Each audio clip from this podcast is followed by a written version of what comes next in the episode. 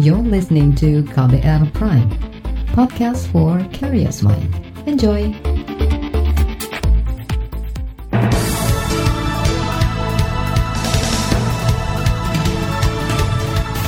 Selamat pagi saudara, senang sekali rasanya saya bisa hadir kembali pagi hari ini di Buletin Pagi edisi Rabu 16 September 2020. Pagi hari ini, tim redaksi KBR telah menyiapkan informasi untuk Anda. Di antaranya, mirip polisi seragam baru Satpam berpotensi picu konflik kepentingan, PGI desak polisi tangkap pelaku intoleran terhadap jemaat HKBP di Bekasi, dan dua orang tukang ojek di Papua ditembak kelompok bersenjata. Dan saudara saya Reski Mesanto, inilah Buletin Pagi selengkapnya. Terbaru di Buletin Pagi. Saudara, Kapolri Idam Aziz menginstruksikan seluruh seragam Satpam diubah menjadi warna coklat atau mirip seragam kepolisian. Instruksi itu tertuang dalam peraturan Kapolri tentang pengamanan swakarsa yang dikeluarkan awal Agustus lalu. Menurut juru bicara Mabes Polri Awistiono, ada empat alasan mengapa seragam Satpam memiliki warna sama dengan seragam anggota kepolisian. Salah satu alasan tersebut agar profesi satpam tidak lagi dipandang sebelah mata. Filosofi kemiripan seragam satpam dengan Polri diharapkan sebagai berikut.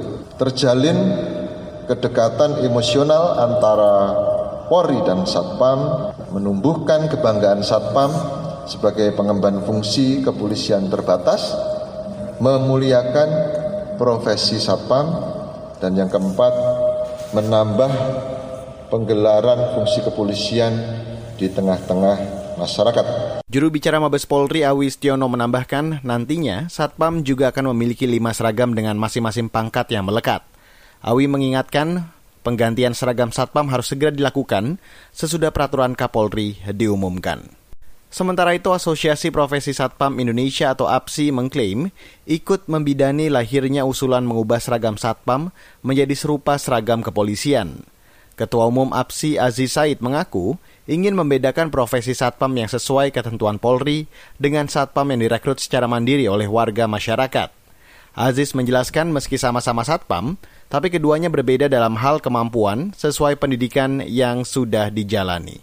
Loh, yang namanya wewenang itu kan bisa diselewengkan siapa saja ya yang namanya petinggi menyelewengkan wewenang juga ada gitu kan. Itu. Jadi kalau saya sih nggak takut. Maksudnya satpam ini terus bertindak sewenang-wenang seperti polisi begitu. Ya nggak bisa. Karena tugasnya kan beda-beda mbak. Satpam itu hanya bertugas di wilayahnya sendiri. Kalau polisi kan di wilayah umum kan itu. Dan semua itu ada rambu-rambunya yaitu SOP, ya, standar operation procedure. Jadi nggak bisa itu.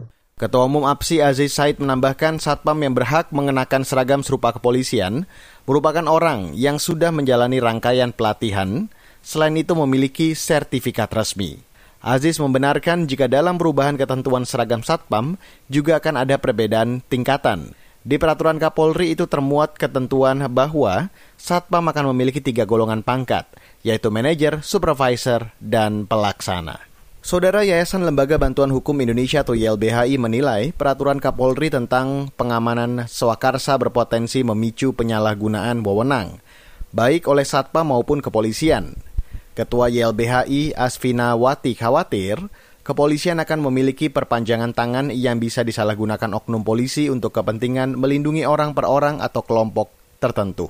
Uh, mendap dan dan begini satpam ini juga ada problem sendiri karena dia bisa dari uh, mantan uh, perwira TNI bahkan gitu ya dan ini sebetulnya saya lihat persoalannya yang kedua adalah ada nanti ada komersial ada jasa pengamanan ini ada ada ada komersialisasi status purnawirawan dan lain-lain uh, ke dalam Ketua YLBHI Asfinawati mencontohkan konflik yang berpotensi timbul oleh satpam berseragam mirip kepolisian bila terjadi konflik agraria antara masyarakat dan perusahaan swasta.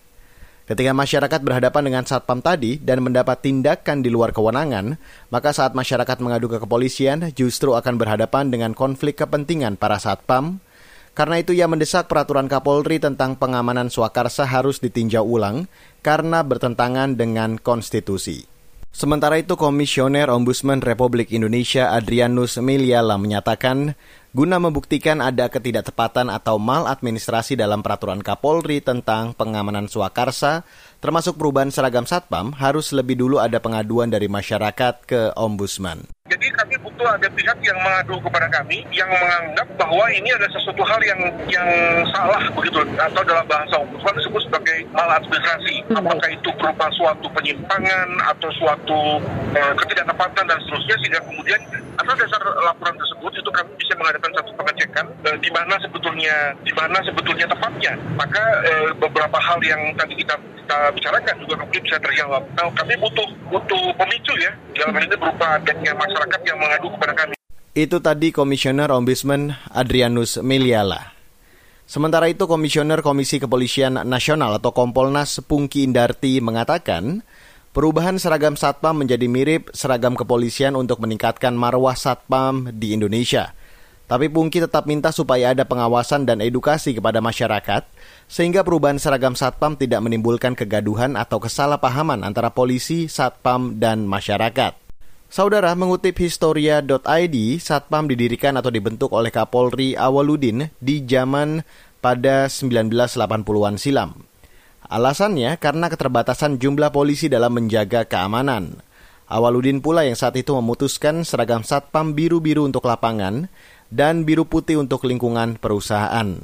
Satpam merupakan tanggung jawab perusahaan atau instansi tempat ia bernaung, namun didaftar, dilatih, dan dibina Polri.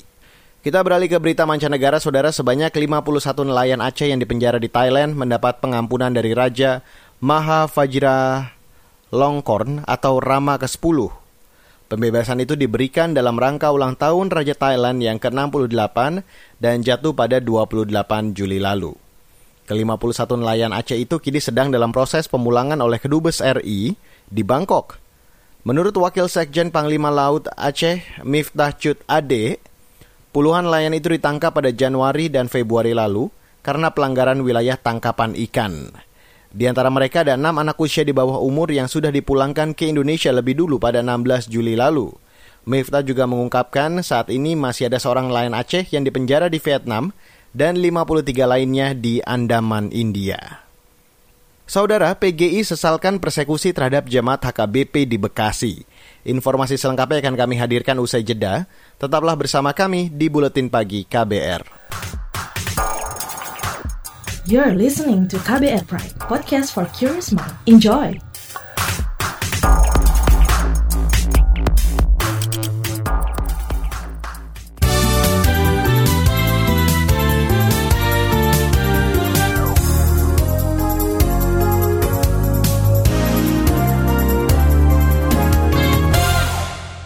Kita lanjutkan buletin pagi hari ini. Juru bicara Satgas Penanganan COVID-19 Wiku Adhisa Smito mendesak pemerintah daerah penyangga DKI Jakarta yaitu Bogor, Depok, Tangerang, dan Bekasi menekan mobilitas warganya ke ibu kota. Hal itu penting supaya pembatasan sosial berskala besar atau PSBB ketat yang sedang diterapkan di DKI Jakarta berhasil menurunkan jumlah kasus baru COVID-19 karena daerah-daerah ini aktivitas masyarakatnya saling uh, memiliki mobilitas yang tinggi dengan uh, eh, DKI Jakarta, maka dari itu agar pemerintah daerah betul-betul dapat menekan kasusnya, menekan mobilitas uh, uh, penduduk agar potensi penularannya dapat dicegah. Itu tadi juru bicara Satgas Penanganan COVID-19 Wiku Adhisa Smito. Sementara itu, sepanjang hari kemarin kasus positif COVID-19 bertambah 3.507 orang. Dengan penambahan ini total kasus positif virus corona menjadi lebih dari 225.000 orang. Sedangkan jumlah pasien sembuh lebih dari 161.000 orang dan kematian mencapai 8.900-an orang. DKI masih menjadi provinsi dengan penambahan kasus positif COVID-19 baru terbanyak dengan 1.076 orang. Kita beralih ke berita ekonomi, saudara. Neraca perdagangan Indonesia surplus 2,33 miliar dolar Amerika Serikat atau sekira lebih dari 34 triliun rupiah pada Agustus meski di tengah pandemi COVID-19. Kepala Badan Pusat Statistik atau BPS Suharyanto mengatakan, ini adalah keempat kalinya secara berturut-turut neraca perdagangan Indonesia mencatatkan surplus. Surplus pada Juli sebelumnya menjadi yang tertinggi dibandingkan dua bulan sebelumnya. Pada bulan uh, Agustus 2020, nilai ekspor kita adalah 13,07 persen, agak turun sedikit dibandingkan dengan posisi pada bulan Juli yang lalu. Jadi sesudah dua kali ekspor kita mengalami kenaikan pada bulan Juni dan bulan Juli. Pada bulan Agustus ini ekspor kita agak melandai, turun 4,62 persen dibandingkan posisi bulan Juli. Kepala BPS Suharyanto juga mengatakan impor pada Agustus 2020 tercatat 10,74 miliar dolar Amerika Serikat atau sekira 159 triliun rupiah, naik 2,65 persen dibandingkan Juli. Namun jika dibandingkan dengan periode yang sama tahun sebelumnya, nilai impor turun drastis hingga 24,19 persen. Sekarang saya ajak Anda ke berita olahraga saudara Federasi Bulu Tangkis Dunia atau BWF resmi menunda turnamen Piala Thomas dan Uber tahun ini. Semula turnamen akan berlangsung 3 hingga 11 Oktober di Aarhus, Denmark, tapi karena pandemi COVID-19 belum kunjung reda dan banyak negara besar mengundurkan diri, maka untuk ketiga kalinya turnamen ditunda lagi. Selain Indonesia, sejumlah negara juga menyatakan undur diri, seperti Korea Selatan, Thailand, Australia, dan Taiwan. BWF masih mengkaji ulang kapan turnamen Thomas dan Uber akan dilaksanakan lagi. Besar kemungkinan penyelenggaraannya dilangsungkan tahun depan. Saudara, laporan khas KBR bertajuk pro kontra pelibatan preman dalam penegakan disiplin protokol kesehatan akan kami hadirkan usai jeda. Tetaplah bersama kami di Buletin Pagi KBR. You're listening to KBR Pride, podcast for curious mind. Enjoy!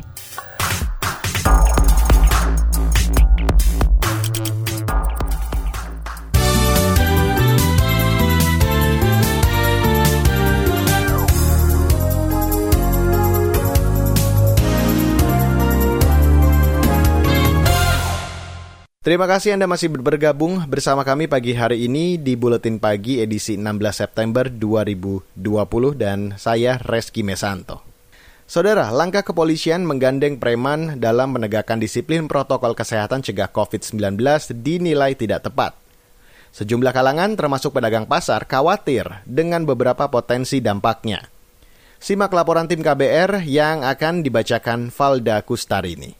Contohnya klaster pasar, di situ kan ada jeger-jegernya di pasar. Kita jadikan penegak disiplin, tapi diarahkan dengan TNI Polri dengan cara-cara yang humanis. Pernyataan Wakapolri Gatot Edi Pramono di Polda Metro Jaya pekan lalu menyulut perdebatan di publik. Ide pelibatan preman pasar dalam penegakan protokol kesehatan cegah COVID-19 dirasa tak pas oleh banyak kalangan. Para pedagang pasar pun ikut resah. Andri, pedagang sembako di Pasar Jembatan Besi Jakarta Barat mengatakan tak masalah preman dilibatkan, tetapi sebatas membantu saja. Yang ia khawatirkan jika preman justru memanfaatkan peluang itu untuk mengambil keuntungan dari pedagang. Nggak apa-apa sih kalau membantu mah ya, ya belakangnya aja jangan gimana gimana gitu. Rasa apa kan. Andri mengaku belum melihat ada preman di sekitar pasar. Selama ini, aparat yang berjaga dari Satpol PP dan personel TNI. Menurutnya, kehadiran mereka efektif dalam mendisiplinkan pedagang maupun pembeli agar mematuhi protokol kesehatan. Sama, sama ormas sama preman nggak ada. Cuma nama tentara ya sama PP doang. Kalau pasar jembatan Besema gitu ya, pasar impres. Itu dari COVID dulu, pertama COVID sudah aktif pada pakai masker semua. Saya kan tiap hari kan istilah kata patroli terus, pantau terus. Sikap tegas menolak pelibatan preman diutarakan Ketua Ikatan Pedagang Pasar Indonesia Abdullah Mansuri.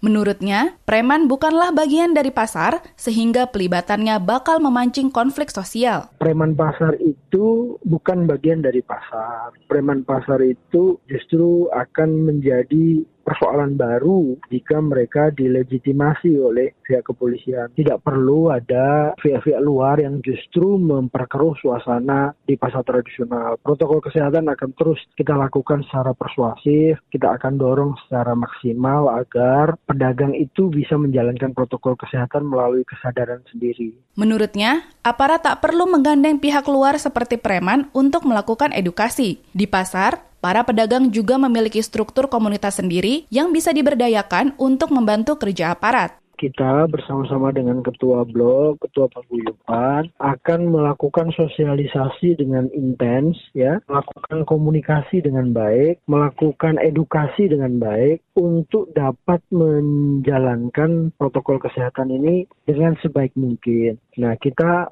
mendorong ini dilakukan secara sendiri ya, mandiri, secara bersama dengan pedagang. Pendapat Abdullah diamini pakar hukum pidana Universitas Trisakti Abdul Fikar Hajar. Menurutnya, keberadaan preman dalam penegakan protokol dapat memicu konflik horizontal. Selain itu, hal ini juga berpotensi melegalkan aksi premanisme. Saya kira ini putusan yang gegabah justru akan menimbulkan konflik horizontal justru nanti. Ini kok bukan ngamanin penjahat kok pakai preman. Ini kan konyol ini kalau menurut saya. Jadi kalau itu terjadi juga masyarakat ngadulah kalau ada bisa LBH LBH menggugat digugat itu. Abdul Fikar menyarankan Satpol PP atau penegak hukum melibatkan aparat lain jika membutuhkan tambahan personel. Misalnya pengurus RT atau RW yang lebih jelas legalitasnya ketimbang preman. Usai mengundang riuh di publik, Wakapolri Gatot Edi mengklarifikasi pernyataannya saat rapat kerja di DPR. Menurut Gatot, preman hanya dilibatkan untuk sosialisasi di pasar-pasar tradisional. Menurutnya, keberadaan preman sebagai tokoh informal merupakan realita di masyarakat.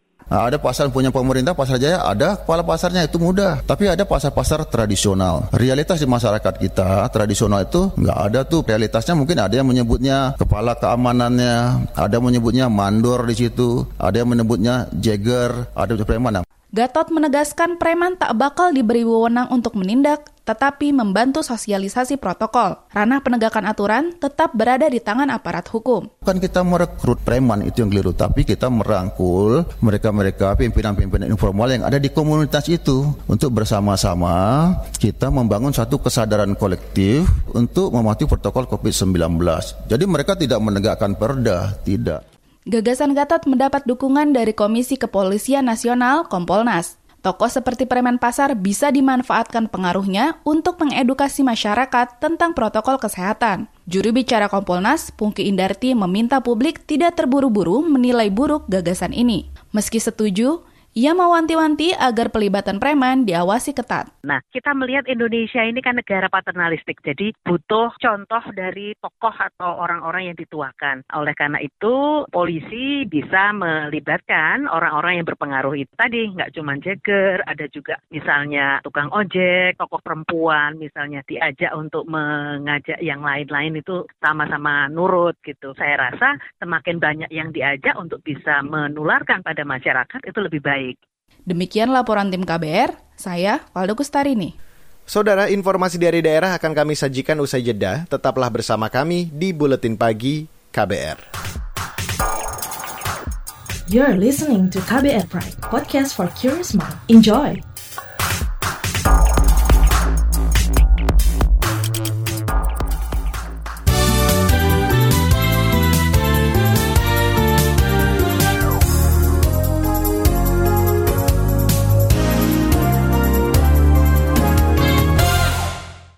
Dua warga sipil menjadi korban penembakan di kampung Mamba, distrik Sugapa, Kabupaten Intan Jaya, Papua pada Senin kemarin. Kepolisian menyebut pelaku penembakan merupakan kelompok kriminal bersenjata. Juru bicara Mabes Polri Awistiono mengatakan korban bernama Laude Anas Munawir mengalami luka tembak pada tangan sebelah kanan. Sedangkan korban lain bernama Fatur Rahman mengalami luka tembak pada bagian perut serta luka bekas penganiayaan berupa sayatan dan sabetan senjata tajam pada kening dan hidung. Kedua korban selanjutnya dibawa ke Bandara Bilogai menuju rumah sakit di wilayah Timika, Provinsi Papua untuk mendapatkan penanganan medis lebih lanjut. Jadi hingga saat ini korban dalam kondisi stabil dan masih menjalani perawatan. Juru bicara Mabes Polri Awi Setiono menjelaskan kedua korban merupakan tukang ojek yang tengah melintas di daerah Kampung Mamba, Intan Jaya. Keduanya ditembak pada waktu yang berbeda. Dari lokasi kejadian, polisi mengamankan barang bukti berupa satu buah proyektil yang diduga senjata api laras panjang milik KKB. Saat ini tim gabungan TNI Polri masih melakukan pengejaran terhadap pelaku. Kita beralih ke informasi selanjutnya. Persekutuan Gereja-Gereja Indonesia atau PGI menyesalkan tindakan intoleransi yang menimpa jamaat Huria Kristen Batak Protestan atau HKBP di Serang Baru Bekasi minggu kemarin. Ketua PGI Bonar Gultom meminta aparat kepolisian berani menindak para pelaku intoleran tersebut. Jika tak diusut tuntas, PGI khawatir kejadian ini akan kembali terulang di masa-masa mendatang. Ya karena tidak ada tindakan tegas dari pemerintah sejauh ini untuk menindak perilaku-perilaku intoleran ini gitu. Orang main hakim sendiri dan dibiarkan. Sebetulnya negara punya otoritas untuk menindak orang-orang yang berlaku intoleran seperti ini. Tapi negara tidak lakukan gitu. Akibatnya menular dan orang makin menjadi-jadi. Akhir pekan lalu puluhan orang menggeruduk salah satu rumah warga di perumahan KSB Grande, Cibarusah, Bekasi, Masa mengganggu jalannya ibadah dengan berteriak dan menyalakan musik keras-keras dan menuntut ibadah dihentikan. Kelompok yang menggeruduk menolak jika gereja HKBP menggelar ibadah di kompleks perumahan. Warga meminta pihak HKBP mengurus izin peralihan fungsi dari rumah tinggal menjadi rumah ibadah. Pemerintah daerah Jawa Barat telah mempertemukan dua kelompok tersebut dan meminta mereka mematuhi hukum serta mengutamakan toleransi beragama. Dan informasi terakhir di Buletin Pagi hari ini saya ajak Anda ke Aceh. Palang Merah Indonesia cabang Lok Sumawe Aceh melakukan pemulihan hubungan keluarga bagi para pengungsi Rohingya asal Myanmar. Pemulihan dilakukan dengan memfasilitasi para pengungsi itu berkomunikasi lewat telepon dengan sanak keluarganya di luar negeri. Sekretaris PMI cabang Lok Sumawe Muhammad Agam Halulah mengatakan, pembicaraan didampingi penerjemah bahasa. Kebanyakan dari keluarga pengungsi itu berada di Malaysia dan Bangladesh. Puluhan itu membawa nomor kontak. Jadi kita batasi waktunya hanya tiga menit, kemudian kita gilir bagi imigran lainnya yang ingin berkomunikasi dengan keluarganya. Pesan mereka yang disampaikan yang pertama itu uh, persoalan kabar baik bahwa mereka sudah ditampung di lokasi yang sekarang. Sekretaris PMI Lok Sumawe Muhammad Agam menambahkan, Bila ada nomor kontak yang tidak bisa dihubungi, maka langsung dikoordinasikan dengan jaringan relawan PMI di negara tujuan. Semua pengungsi Rohingya antusias saat mengantre giliran menelpon. Saat ini, pengungsi Rohingya yang ditampung di gedung BLK Lok Sumawe 386 orang. Saudara, informasi dari Aceh tadi akhirnya mengakhiri jumpa kita pagi hari ini di Buletin Pagi edisi 16 September 2020. Anda juga bisa memantau informasi terkini melalui kabar baru setiap jamnya, atau Anda juga bisa bergabung di website kbr.id. Update juga informasi terkini melalui official Twitter kami at Berita KBR, dan saya ajak Anda juga mengupdate informasi melalui news on demand kami di podcast kbrprime.id. Akhirnya saya Reski Mesanto mewakili tim redaksi yang bertugas. Kami undur diri. Salam.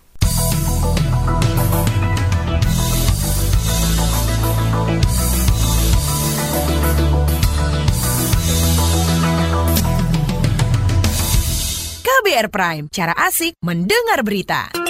KBR Prime, podcast for curious mind.